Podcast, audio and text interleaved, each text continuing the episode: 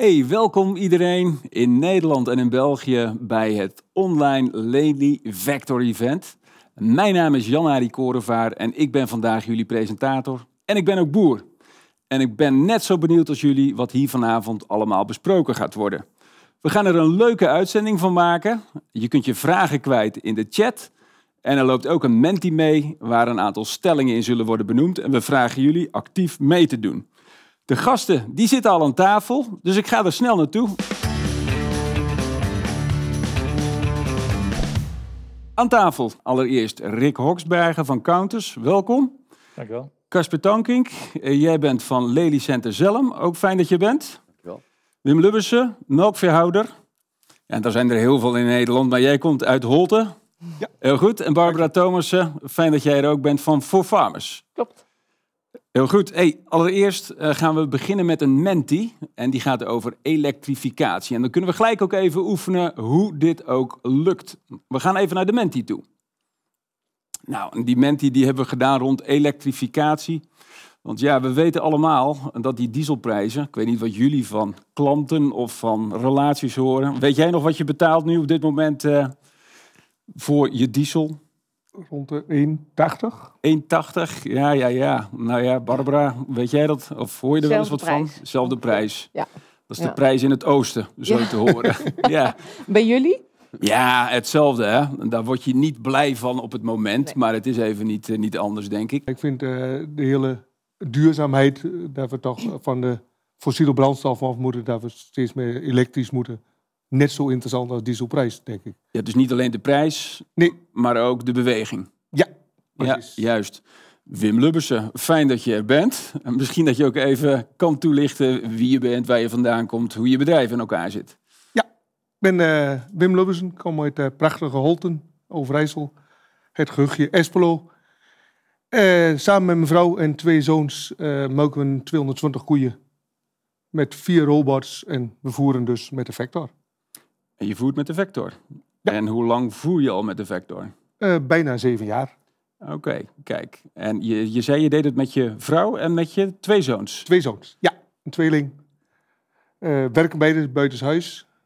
We zien hier de foto, sta ik samen met mijn vrouw en mijn zoon.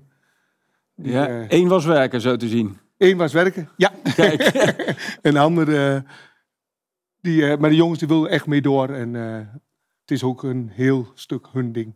En wat zien we hier? Dat is een overzichtsfoto van je bedrijf. Ja. eh. Ja, de- we melken dus ook eh, de helft van de koeien en de hondenkoeien in de, in de vrijloopstal.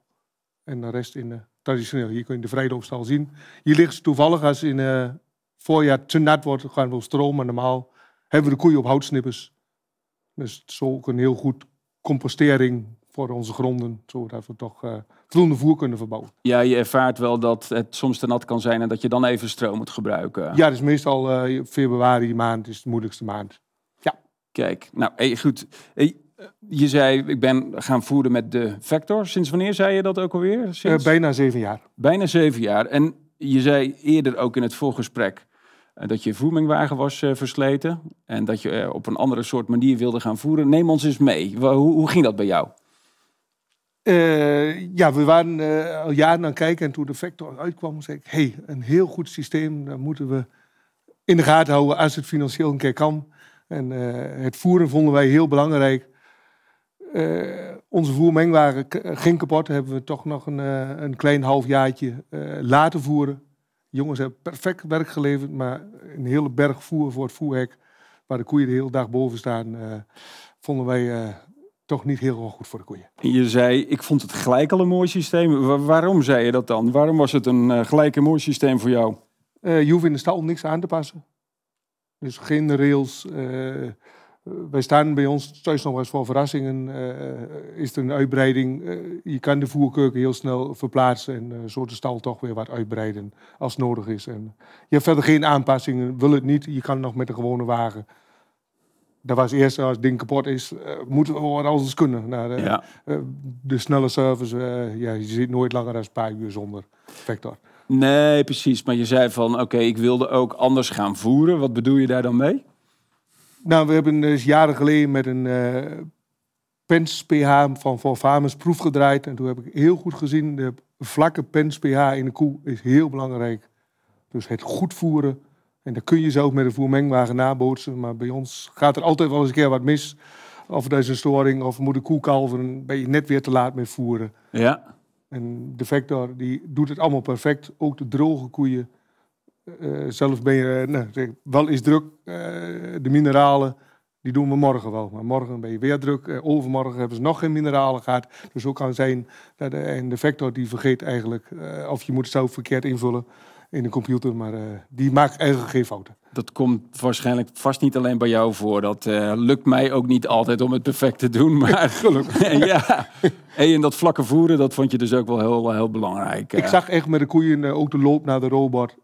Hoe vlakker die pH, hoe beter als de koe te pas is. Hoe beter als de lopende robot is. En met de Vector zag ik ook dat s'nachts het bezoek op de robot beter werd. Oké, dus doordat je met de vector ging voeren, ging ook je aantal melkingen omhoog dan? Ja, s'nachts was de vers voer kwam ervoor. Dus de koe zegt, ah, lekker voer. Nou, ik toch wakker ben, kan ik ook wel even naar die robot lopen. Bij jou mogen ze niet slapen, dus... Uh... Nou, een koe slaapt volgens mij ook niet zo heel veel. Ze okay. rust wel veel. Ze rust wel veel, oké. hey, um, en je zei ook, want we hebben elkaar eerder al even gesproken... dat je geen 25 hoeft te zijn om een vector te kunnen bedienen. Wat bedoel je daarmee?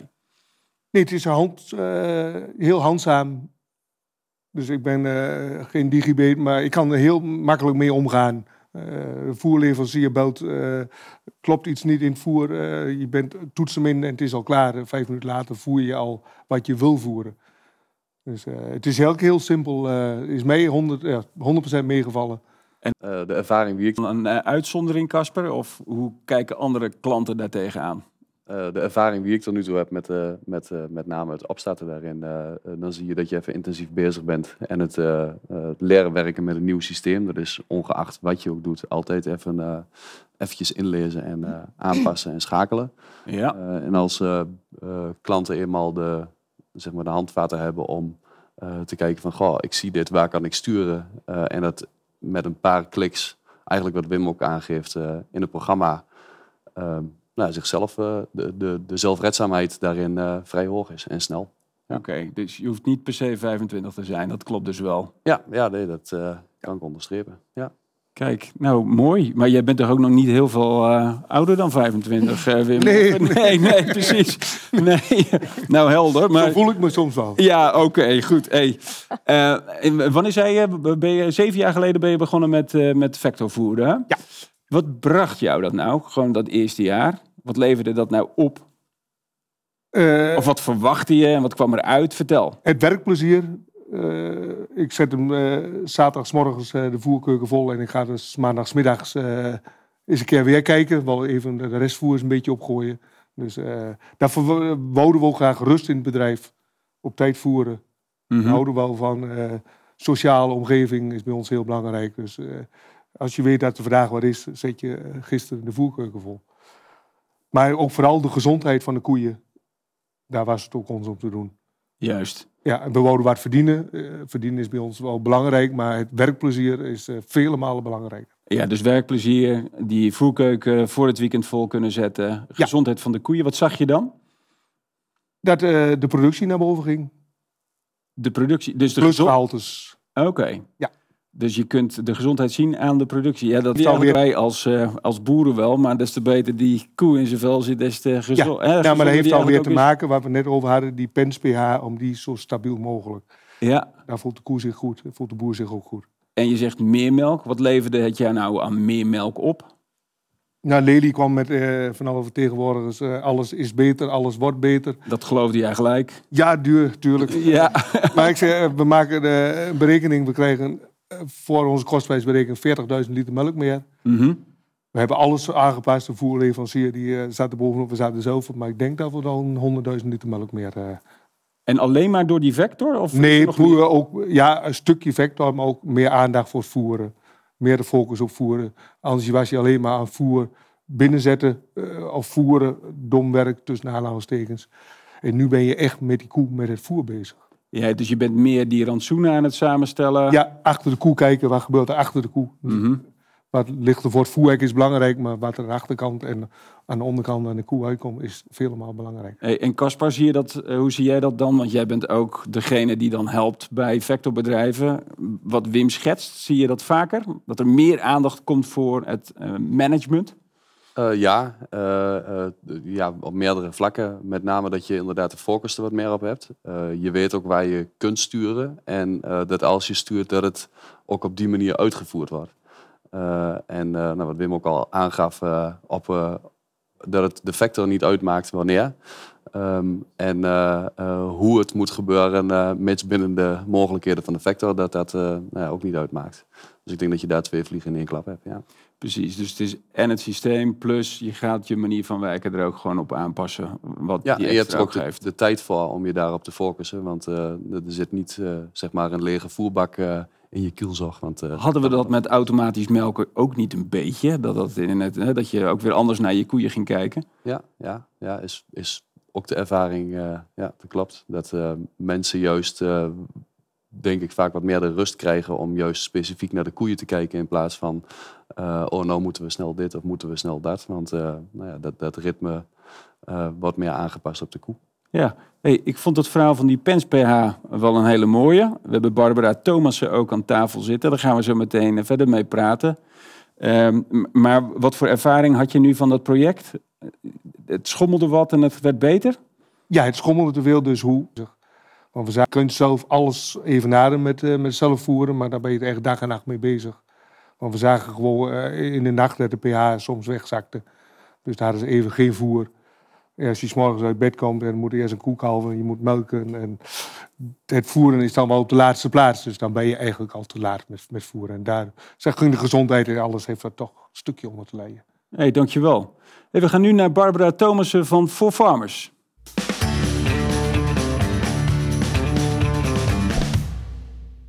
Hey Barbara, fijn dat je er bent. Ja. Zou je jezelf even verder kunnen voorstellen? Ja, mijn naam is Barbara Thomas. Eh, Ik werk bij eh, For Farmers als melkveespecialist. Eh, wij hebben thuis eh, samen met mijn vriend hebben we een melkveebedrijf in Ruurlo met 150 melkkoeien. Eh, wij melken met drie eh, robots en wij voeren met een Lely Vector. Oh joh, nou je, je, Ja. je bent de ideale kandidaat eh, voor vanavond. Ja. Eh, fijn dat je er bent. En je zegt je, je bent voerspecialist en dierenarts. Ja, Dus je was eerst dierenarts en daarna voerspecialist? Of hoe is dat gegaan? Eh, ik wilde, zeg maar, als eh, eh, dierenarts ben je heel veel bezig met zieke koeien, het opknappen van zieke koeien. Ehm, heel interessant en goed en leuk werk. Maar uiteindelijk, ik wilde veel meer tijd en goed in hun vel zitten, preventie. Dus ik wil graag ja, gezonde koeien die eh, goed in hun vel zitten en uiteindelijk ook gewoon eh, ja, optimaal melk produceren. Precies, dus zo'n voerspecialisme dat past gewoon bij jou. Ja, dat past, eh, ja, zeker. Oké, Ja. nou Wim had het over een PENS PH-project. Eh, kun je ons daar iets meer over vertellen? Ja, nou ik denk dat PENS PH dat die echt zeg maar essentieel is voor de productie van jouw koeien, maar ook voor de gezondheid van jouw koeien. Eh, het plaatje waar, eh, waar we nu eigenlijk naar kijken is dus de, eh, het verloop van de PENS PH in de tijd. Voor de, het gemak hebben we de meal, zeg maar meals, dus de maaltijden van de koe op het moment dat hij aan het voeren, aan het, aan het voerhek staat en een voer, voer opneemt, hebben we erin gezet.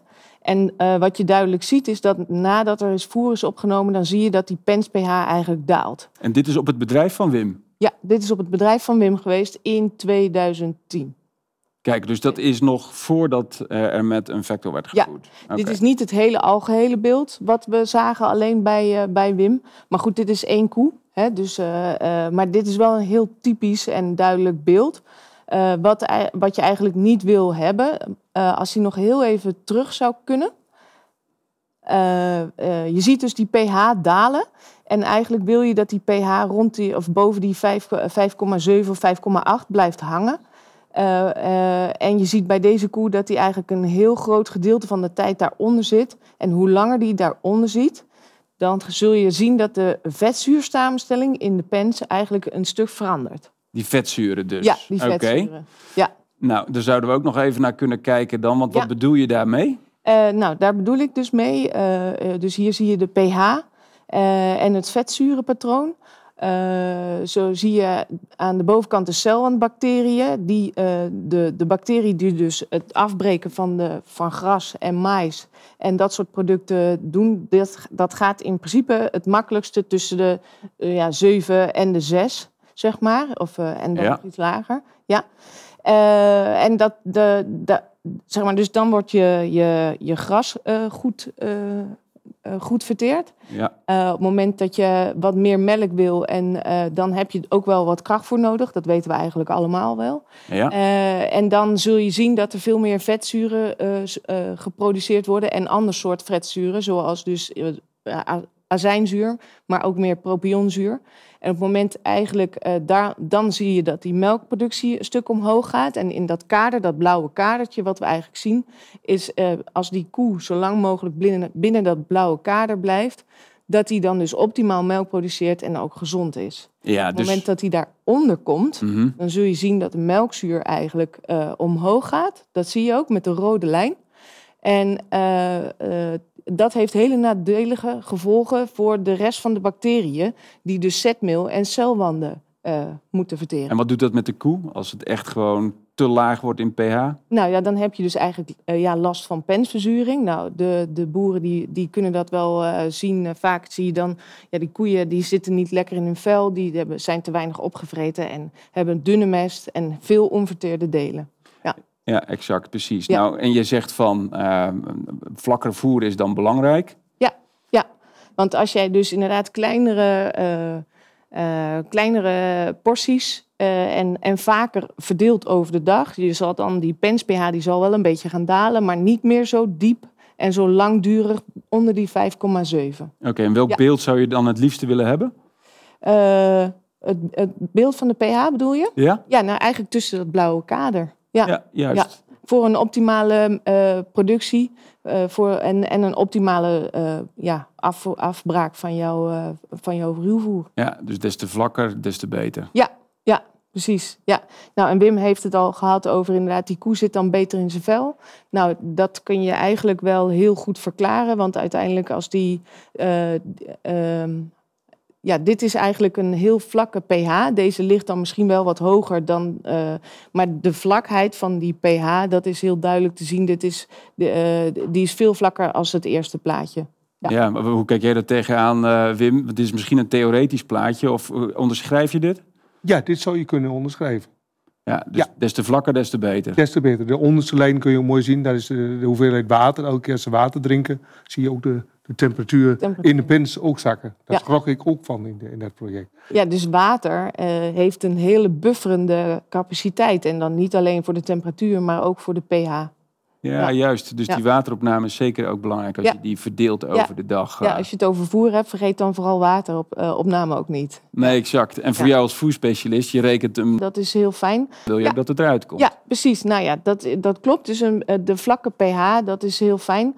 Want zo zul je zien dat het eh, uiteindelijk het eh, berekende rantsoen eh, steeds meer eh, gaat lijken op het opgenomen rantsoen en, eh, het, eh, en het benutte rantsoen.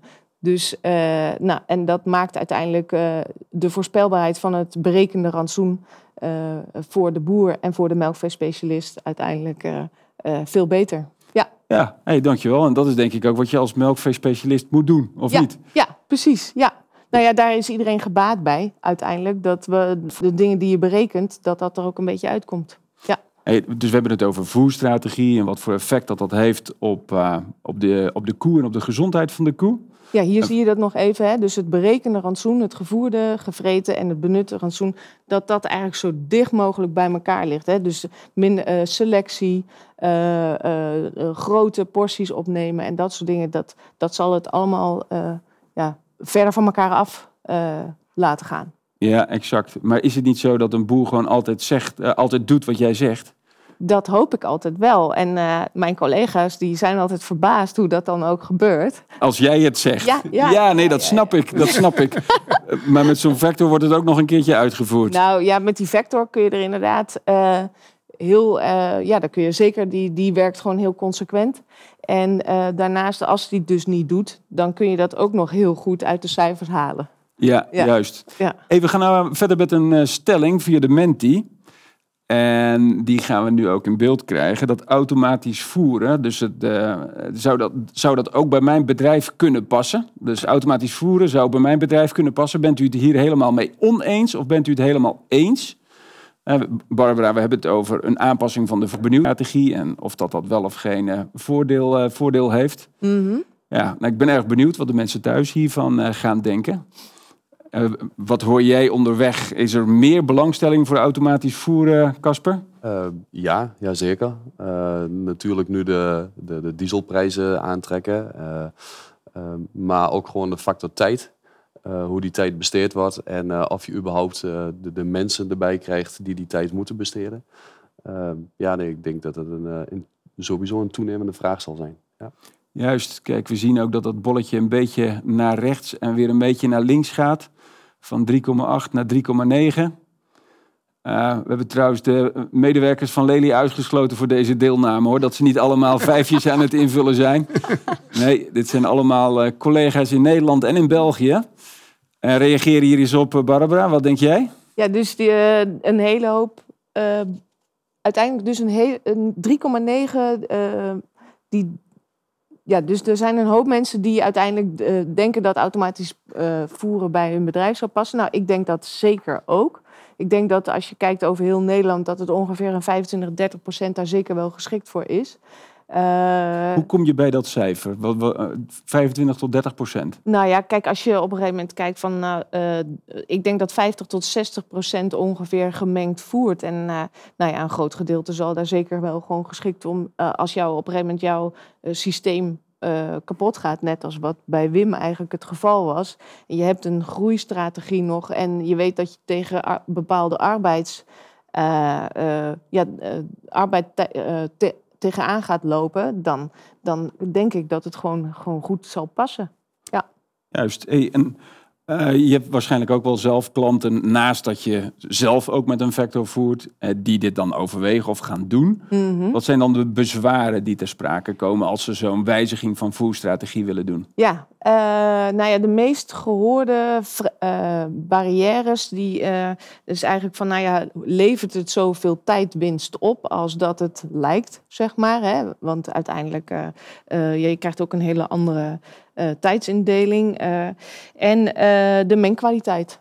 Oké. Ja. En- wat voor soort tips kun je dan meegeven als Nou, dat eh, op tafel komt? Ja, ik denk dat, eh, dat je daar als, eh, eh, als voerspecialist in ieder geval zorg, zorg dat het, eh, het materiaal, het uitgangsmateriaal wat je uiteindelijk oogst, dat dat in ieder geval kort is. Dus dat kan door hakselen, maar niet alleen hakselen is het enige de juiste, maar gewoon kort gesneden is ook prima te mengen.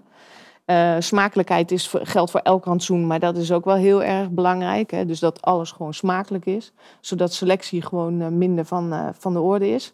Ehm, eh, verder denk ik op het moment, daar heb ik ook nog wel een foto dadelijk van, maar dat je als je een lasagnekuil hebt, want dit is mijn schoonvader, Oh joh, Ja. die zien we nu in beeld.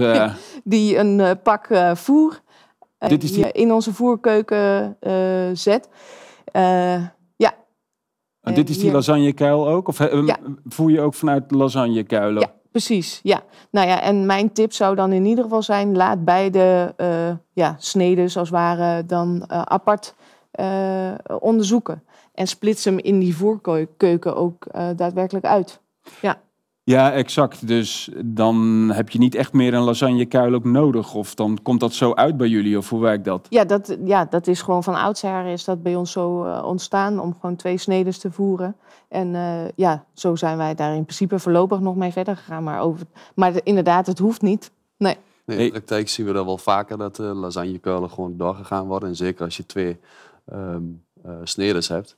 En uh, je doet dat redelijk netjes over de complete kuil. Dan is er ook uh, binnen dit systeem nog wel de mogelijkheid om als het ware een tweede virtuele uh, voervloer erin te gooien. Waardoor dat je zegt, oké, okay, tot hier is het de tweede snede en vanaf dan is het een andere. Oké, okay, dus dan grijpt de grijper... Tot, tot aan de bepaalde hoogte van de die laag lasagne. Ja, er wordt ook overal over nagedacht. Hè. Dat is toch ook bijzonder. hey, fantastisch, dankjewel. En wie zagen we nou net in je beeld? In het beeld, want ik weet dat je schoonmoeder is van vader. Dat klopt, ja, dat is mijn schoonvader. Ja. En is die ook nog een beetje blij geworden? Want ik weet dat je schoonmoeders blij moet houden, maar schoonvaders moet je die ook nog blij Ja, nou houden. ja, in mijn geval was dat ook wel erg belangrijk.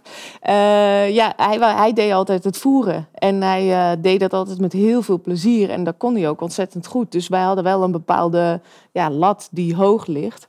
Voor qua mengen en eh, eh, nou ja, de prestaties van de koeien.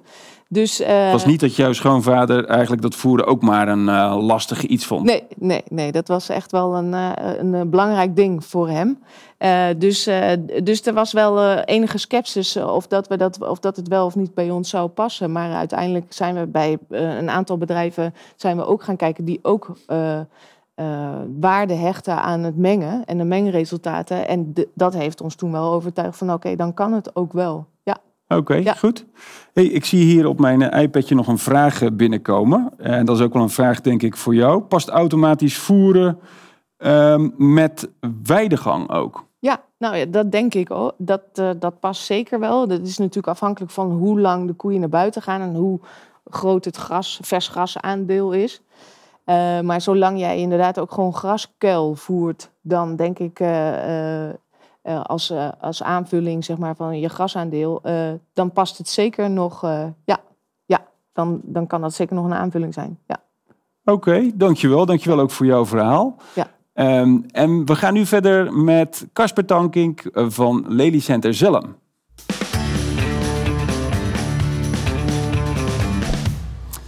Oké, Casper, fijn dat je er bent. Leg ook even uit wie je bent, waar je vandaan komt en wat je precies doet. Casper Tankink, werk bij Lely Center Zelm, inderdaad. Eh woon in Harreveld, samen met vrouw en drie kinderen.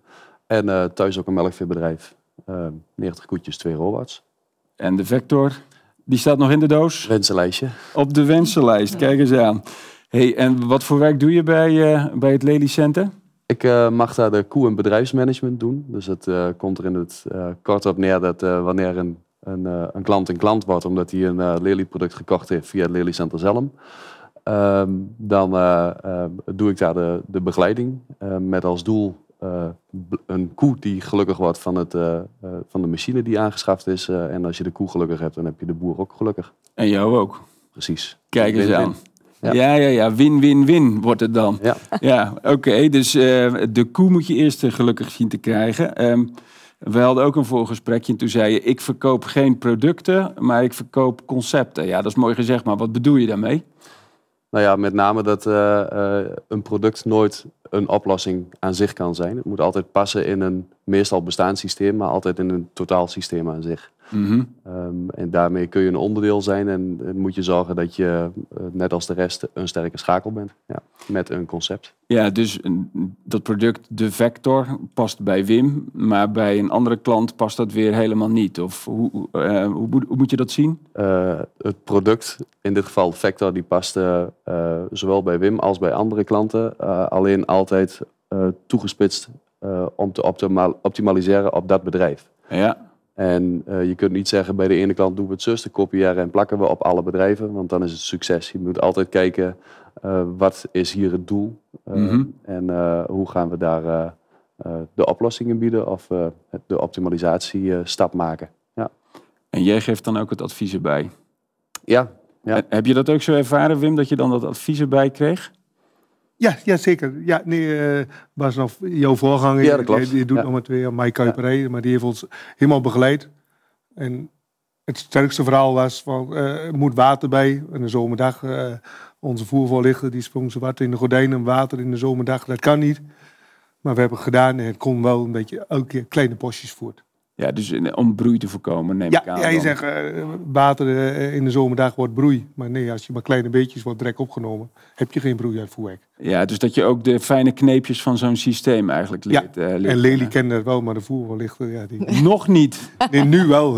nu eh, adviseert hij het zelf ook. Ja, exact. Nou, maar ik denk dat eh, Wim daar ook wel een mooi punt eh, noemt. De samenwerking eh, met de voervoorlichters en, eh, en adviseurs. eh, Dat het eh, heel belangrijk is. Ehm, en dat je daar als eenling nooit eh, misschien de oplossing kan bieden, maar wel met elkaar in overleg kan zorgen dat het ja, weer een totaal optimum wordt. Ja, Dus dat is een beetje het concept. ja, je neemt het niet over, maar Nee. je knoopt het aan elkaar. Ja. Juist, oké. Hey, eh, voeren met de vector is een investering. En Ja. ik denk dat we daar zo meteen met jou, Rick, ook nog wel verder over gaan, eh, gaan spreken. Ehm, maar wat kun je zeggen over de kwaliteit van het gemengde rantsoen? En Barbara raakte het net ook al eventjes aan. Ehm, het gemengde rantsoen wat daarvoor ligt, eh, dat is natuurlijk, eh, eh, nou ja, daar doe je het voor. En, en dan is daar altijd optimalisatie in mogelijk. Dus je vindt altijd iets waar je denkt, nou dan moeten we misschien toch of in de mengvolgorde of de manier van grijpen in dit geval, in de manier van lossen, wanneer je lost, hoeveel je tussenmengt. Nou, dat zijn allemaal al kleine dingen die je aan kunt passen. Ehm, maar daarvoor zit misschien nog wel een veel belangrijkere. En dat is namelijk dat je altijd moet zorgen dat het product wat je voert, dat het ook eh, eh, nou in ieder geval eh, dezelfde kwaliteit behoudt als het voor het voerhek ligt. Ik vind het voorbeeld van water bij doen, niet doen, want dan krijg je broei. Ja, dat zegt waarschijnlijk wat meer over het startmateriaal.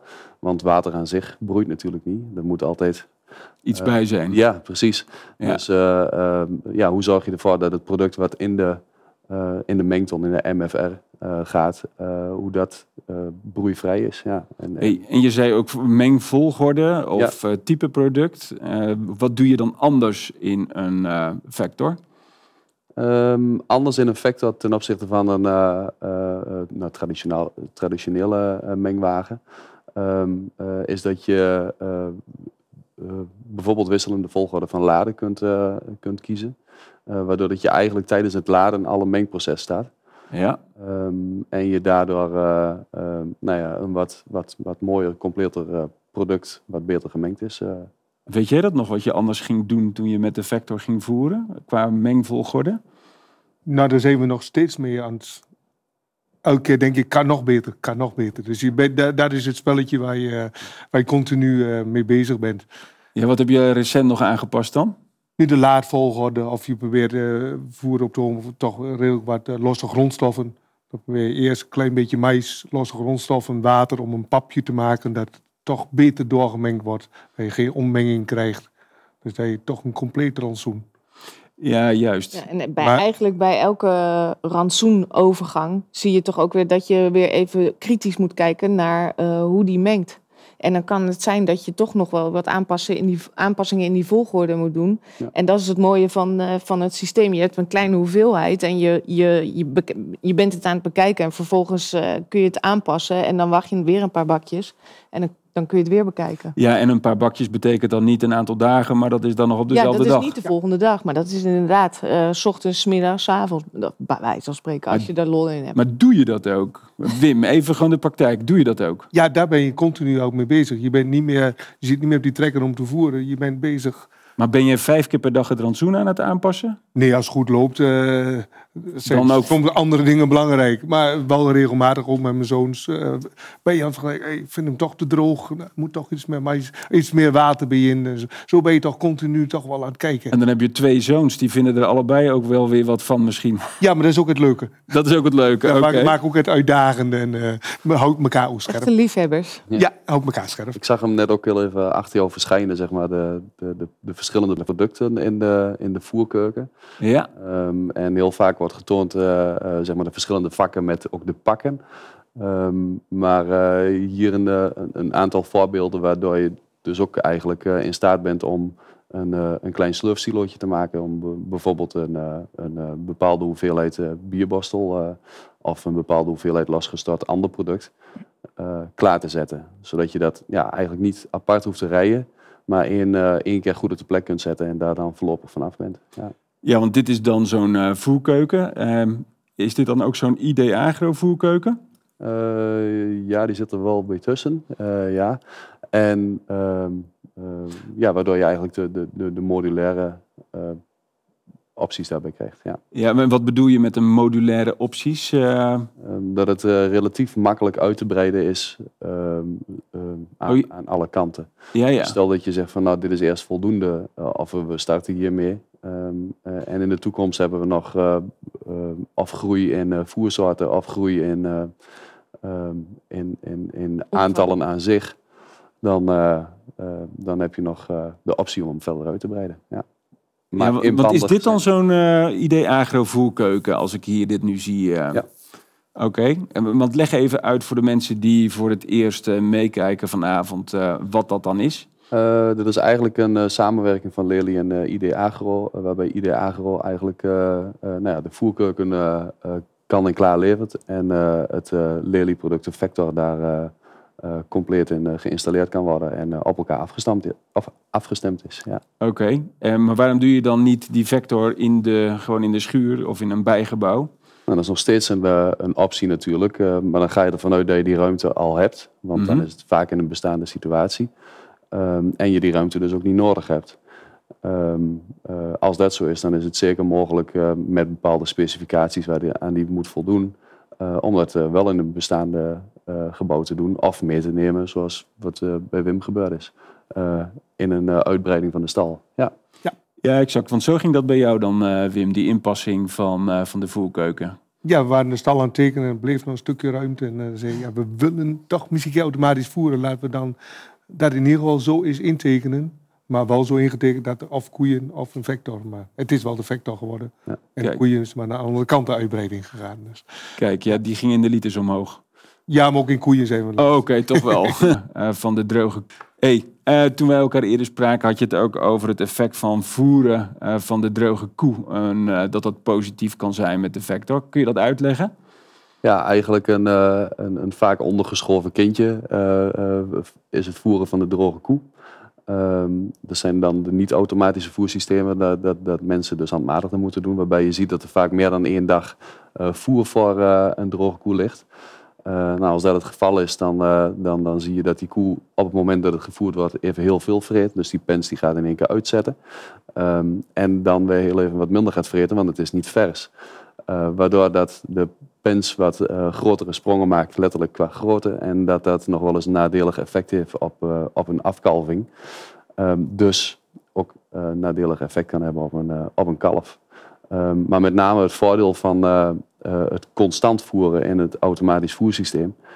zoals de Vector, die, die biedt constant kleine porties aan. eh, waardoor dat eigenlijk het hele verteringsproces en dus ook het vrijkrijgen van nutriënten en voedingsstoffen voor zo'n dier veel mooier in balans zijn constant. Eigenlijk het, ja, wat je kon zien bij de pH-bolus. Ja, veel gecontroleerde voeropname. Ja. Hè? Die, eh, die bood je dan eigenlijk na.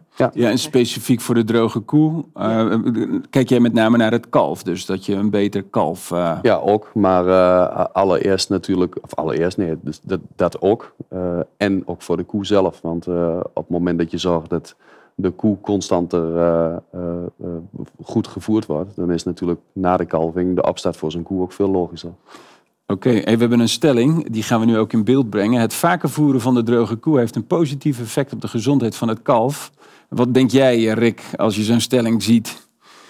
Zal dat verschil maken of heb je daar een mening over? Wat denk je? Ja, de droge koeien is natuurlijk altijd een heel belangrijk eh, fase in die hele lactatie van die koe. Als je daar het laat liggen, dat, dan ga je de rest van de lactatie ga je dat merken. Dat hebben we in de praktijk al vaak genoeg gezien. Eh, zeker als veearts, eh Ja. denk ik ook genoeg ervaring mee opgedaan. Dus ja, daar, daar maak je wel het verschil. En, en we krijgen natuurlijk ook heel vaak mee, eh, ondanks dat het dan niet in het veevoer zit, maar op het moment dat je die droge koe niet goed voert, dan heb je ook of veel te veel biest, of veel te weinig. Of, ja, het heeft allemaal weer effect op dat kalf. Exact. En is het niet zo dat er toen er meer aandacht kwam voor het eh, voeren van eh, droge koeien, dat toen de grootste slag is gemaakt? Maakt die vector dan nog eh, veel verschil? Wat denk jij? Nou, misschien is dat een vraag voor jou, Casper. Ja, dat is voor mij natuurlijk een open deur. Ik denk dat het wel verschil maakt. Maar ik kan hem ook wel toelichten, omdat je namelijk naast het meer keer voeren ook telkens keer controleert tijdens of op het moment dat hij langs rijdt en het voer aandrukt, die koeien triggert om, om te happen. Waardoor dat je, mochten de rangordeverschillen zitten, ook dat nivelleert. Eh, dus gemiddeld weer een betere voeropname hebt. Ja. Ehm, hey, en een andere parameter waar ook ehm, de vectorvoerders wel naar kijken is voerefficiëntie. Eh, waarom is dat belangrijk? Eh, voerefficiëntie is belangrijk omdat je natuurlijk wilt zien wat erin gaat en wat er voor terugkomt. Eh, eh, daarin eh, ja, moet je altijd zorgen dat het in, in, in balans is. Dus dat je een zo hoog mogelijke voerefficiëntie hebt ten opzichte van hetgene wat je aan input levert. Oké, oké. Dus die moet, de voerefficiëntie moet gewoon zo hoog mogelijk zijn. Dat is wat je zegt. Er zit een kleine nuance in. Er zit een optimale, optimale voerefficiëntie. Oké, nou ik ben benieuwd wat Rick daar zo meteen van, eh, van zegt. Maar we hebben ook die stelling eh, nu eh, voor jullie klaarstaan. Een hoge voerefficiëntie is beter voor de koe. Is dat zo? Wat denk jij, Wim? Is dat zo? Ik vind eh voerefficiëntie is, is wel belangrijk, maar bij ons, eh, omdat we de, met de robot hebben we niet de gehaltes. Maar we hebben de voerefficiëntie bereken je dus ook op gehaltes. Maar we hebben dus de kilo droog stofafvoer waar de melk uit eruit komt. De hoogte vind ik niet interessant. Ik vind het interessant is het in de week eh, een beetje vlak. Ja, exact. Hebben we een paar dagen dat die hoger, lager is, dat die eh, afwijkt, dan, zeg ik, dan ben we niet goed aan het voeren. Oké, dus die pens pH is eigenlijk ook iets wat je in die voerefficiëntie ook eh, graag vlak wil zien. Ja, wil je vlak zien, als je een nieuw rantsoen hebt, eh, dan kijk je daar het eerst niet goed of ik zit extra goed in de gaten van hoe gaat het met de voerefficiëntie. Ja, Anders weet je, ik zit niet goed of ik zit, yes, ik zit goed. precies. En we gaan nu naar Rick Hoksbergen van Counters.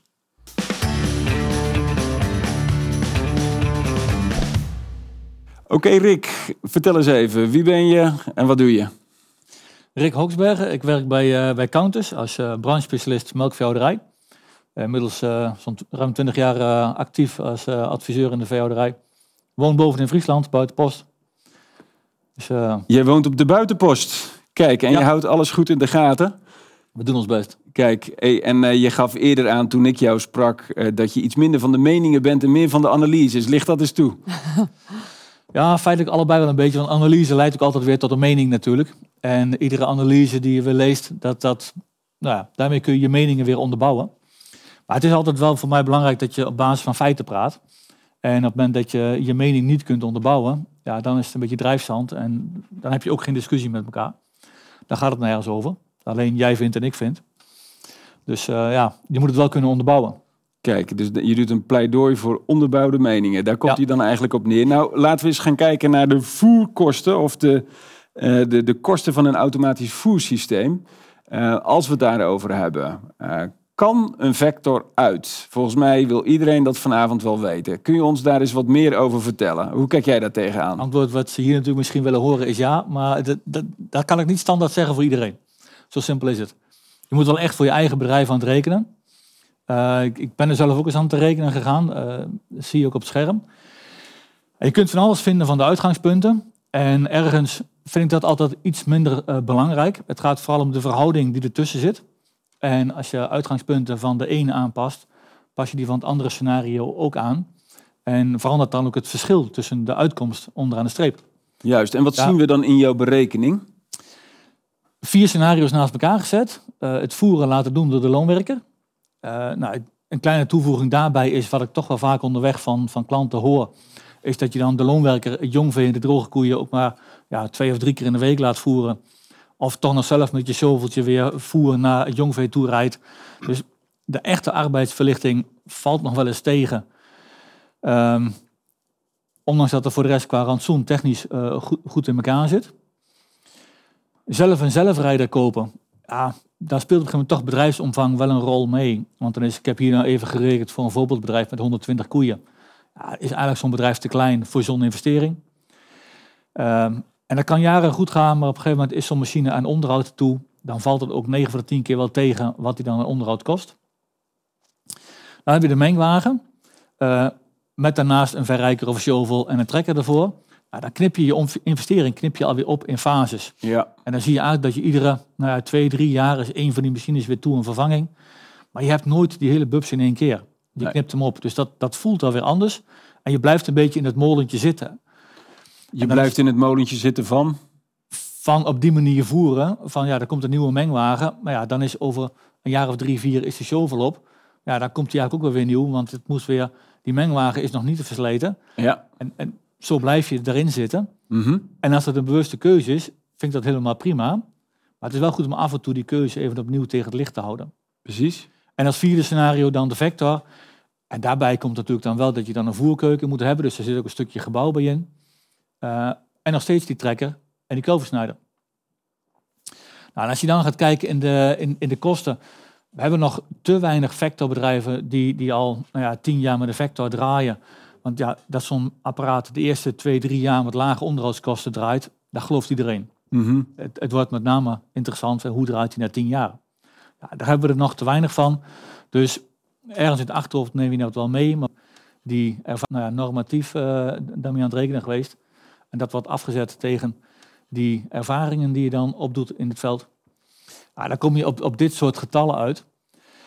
Dieselprijs en elektriciteitsprijs zijn natuurlijk niet de prijzen van vandaag. Nee, exact. Voor 1,15 euro Dus- die zou ik graag willen bestellen, inderdaad. Ik kom je tank niet volblazen voor dat geld. Absoluut niet. Eh, sorry. Maar ook daar geldt weer, het gaat even om de verhouding. Juist. En de brandstof is duurder, maar de energie is ook duurder. Mhm. En aan de andere kant denk ik ook, zo'n Invector, die koop je voor de komende 15 jaar. Eh, ik, ik mag toch hopen dat de huidige dieselolieprijs niet voor 15 jaar op dit niveau blijft hangen.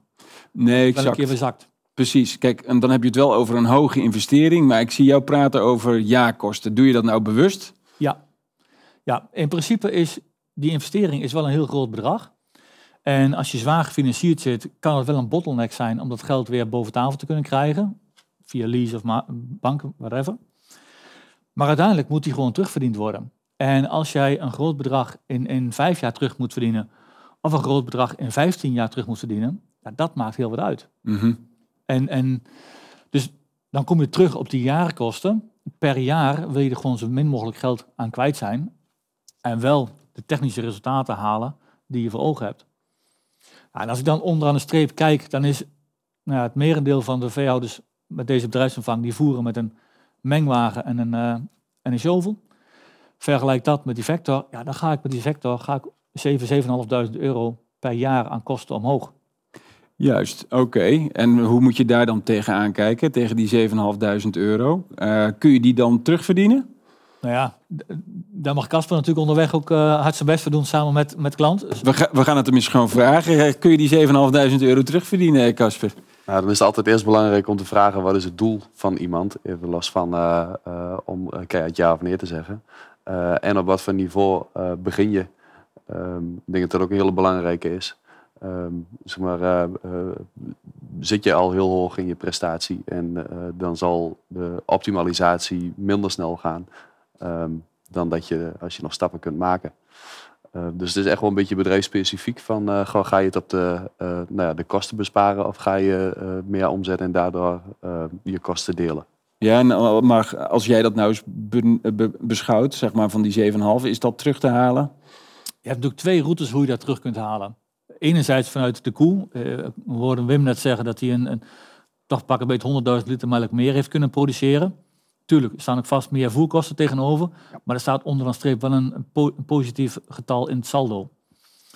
Dus dat is één route. De andere route is uh, arbeidsbesparing. Mm -hmm. uh, en, en dan is het de vraag, hoe knellend is dat? Zit je met betaalde arbeid? Kun je je vrijgemaakte arbeid op een andere manier efficiënt wegzetten? Als jij arbeid vrijmaakt en je gaat vervolgens aan de keukentafel zitten uh, met een kop koffie, ja, dan levert het niks op. Nee. Maar op het moment dat je die tijd vrijmaakt en je kunt, ja, wat we ook bij Wim horen, die tijd besteden aan een stuk management en de efficiëntie in je hele bedrijf, alles wat je aandacht geeft, dat groeit. Um, dus op het moment dat je daar met veel meer onderdelen in je bedrijf actief bezig bent, dan kun je gewoon stappen maken in, ja. in de kosten. Dat ervaar jij ook zo, Wim, begrijp ik een beetje uit jouw verhaal. Alles wat, aandacht, wat je aandacht geeft, groeit. Ja. Bij jou werkte dat zo? Ja, nee, daarom. En daardoor konden de jongens nog uitwerken gaan, dus ervaring opdoen in de grote boze wereld. dus uh, maar daar leren ze weer dingen waar ze meenemen naar huis. Dus daardoor groeit het bedrijf ook. Ja, en ik zag de Mia Famil ook nog staan. Uh, dat is iets dat. in Nederland. Maar in België heb je misschien ook een vergelijkbaar iets. Maar wat doet die Mia Famil?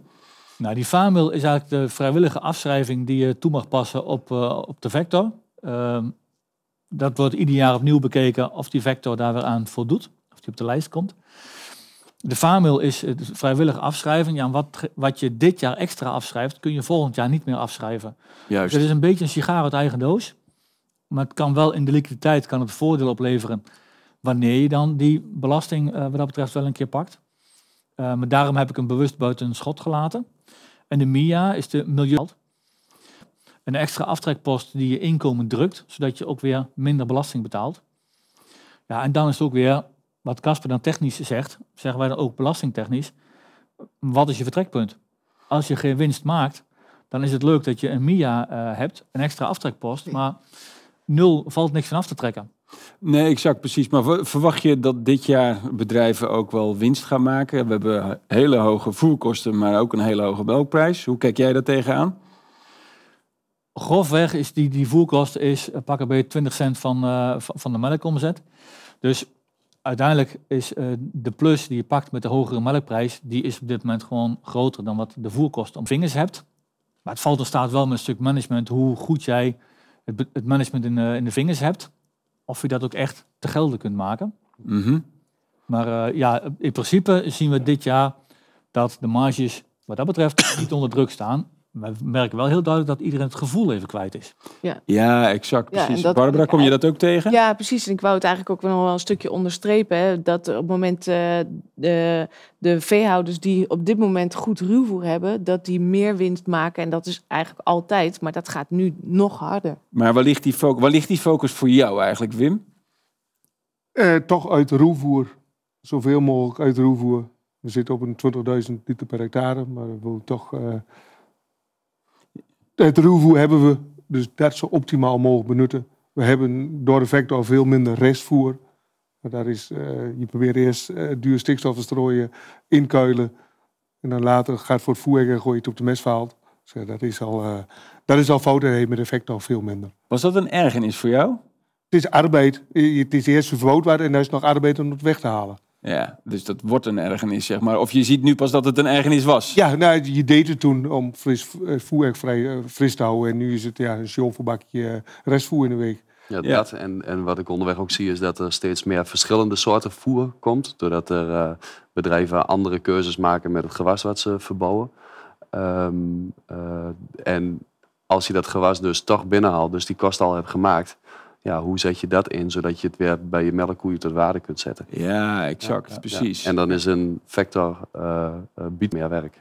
Zonder... Eh, meerdere voersoorten eh, eh, ervoor te krijgen zonder heel veel meer werk. Zonder heel veel gedoe. Oké, hey, en voerefficiëntie en saldo. We hadden het net even over voerefficiëntie. Des te hoger, des te beter. Hoe kijk jij daar tegenaan? Voor de bedrijven die dus, ehm, wat ik net zei, eh, de- het merendeel van de bedrijven moet wat mij betreft vooral focussen op voeropname. En de voerefficiëntie, ehm, sorry, het is misschien een beetje kort door de bocht, maar vind ik altijd heel sterk ook, eh, het is om je vanuit krachtvoerhoek. Hoe meer krachtvoer je in een rantsoen eh, bijvoert, hoe makkelijker het is om je voerefficiëntie naar boven te trekken. Maar wil je veel melk uit ruwvoer, dan kan het best zijn dat je eh, voerefficiëntie naar beneden gaat. Maar onderaan de streep blijft er meer geld over. Nou, dat heb ik op een gegeven moment ook eens een keer op een rij gezet. En dat zie je in deze twee grafieken. Op de horizontale as de voerefficiëntie. En op de verticale as, dan wat zie ik dan terug in de, in de melkproductie per koe. En in de rechter grafiek, wat zie ik dan terug in het saldo per koe. En dan zie je dat die voerefficiëntie, hoe hoger die voerefficiëntie is, hoe hoger de productie per koe ook is. Mhm. Dat is hartstikke mooi. En op het moment dat we op de verjaardag zitten bij de buurman, vinden we het ook fantastisch om te zeggen dat je 11 of 12.000 liter melk uit de koe trekt. Hartstikke mooi. We hebben het nooit op die verjaardag over het saldo per koe. En als ik dan die, die voerefficiëntie op die horizontale as afzet tegen het saldo wat we maken, dan ben ik het verband in één keer kwijt. Ja, dit is denk ik dan ook precies die nuance die je per bedrijf juist weer moet maken. Van, Ja. hey, wat is jouw input? Is dat hoog? Dan moet je daar ook een hoge voerefficiëntie, namelijk een output van hebben. En als dat Ja, anders is, dan ja, dat, dus dat is echt.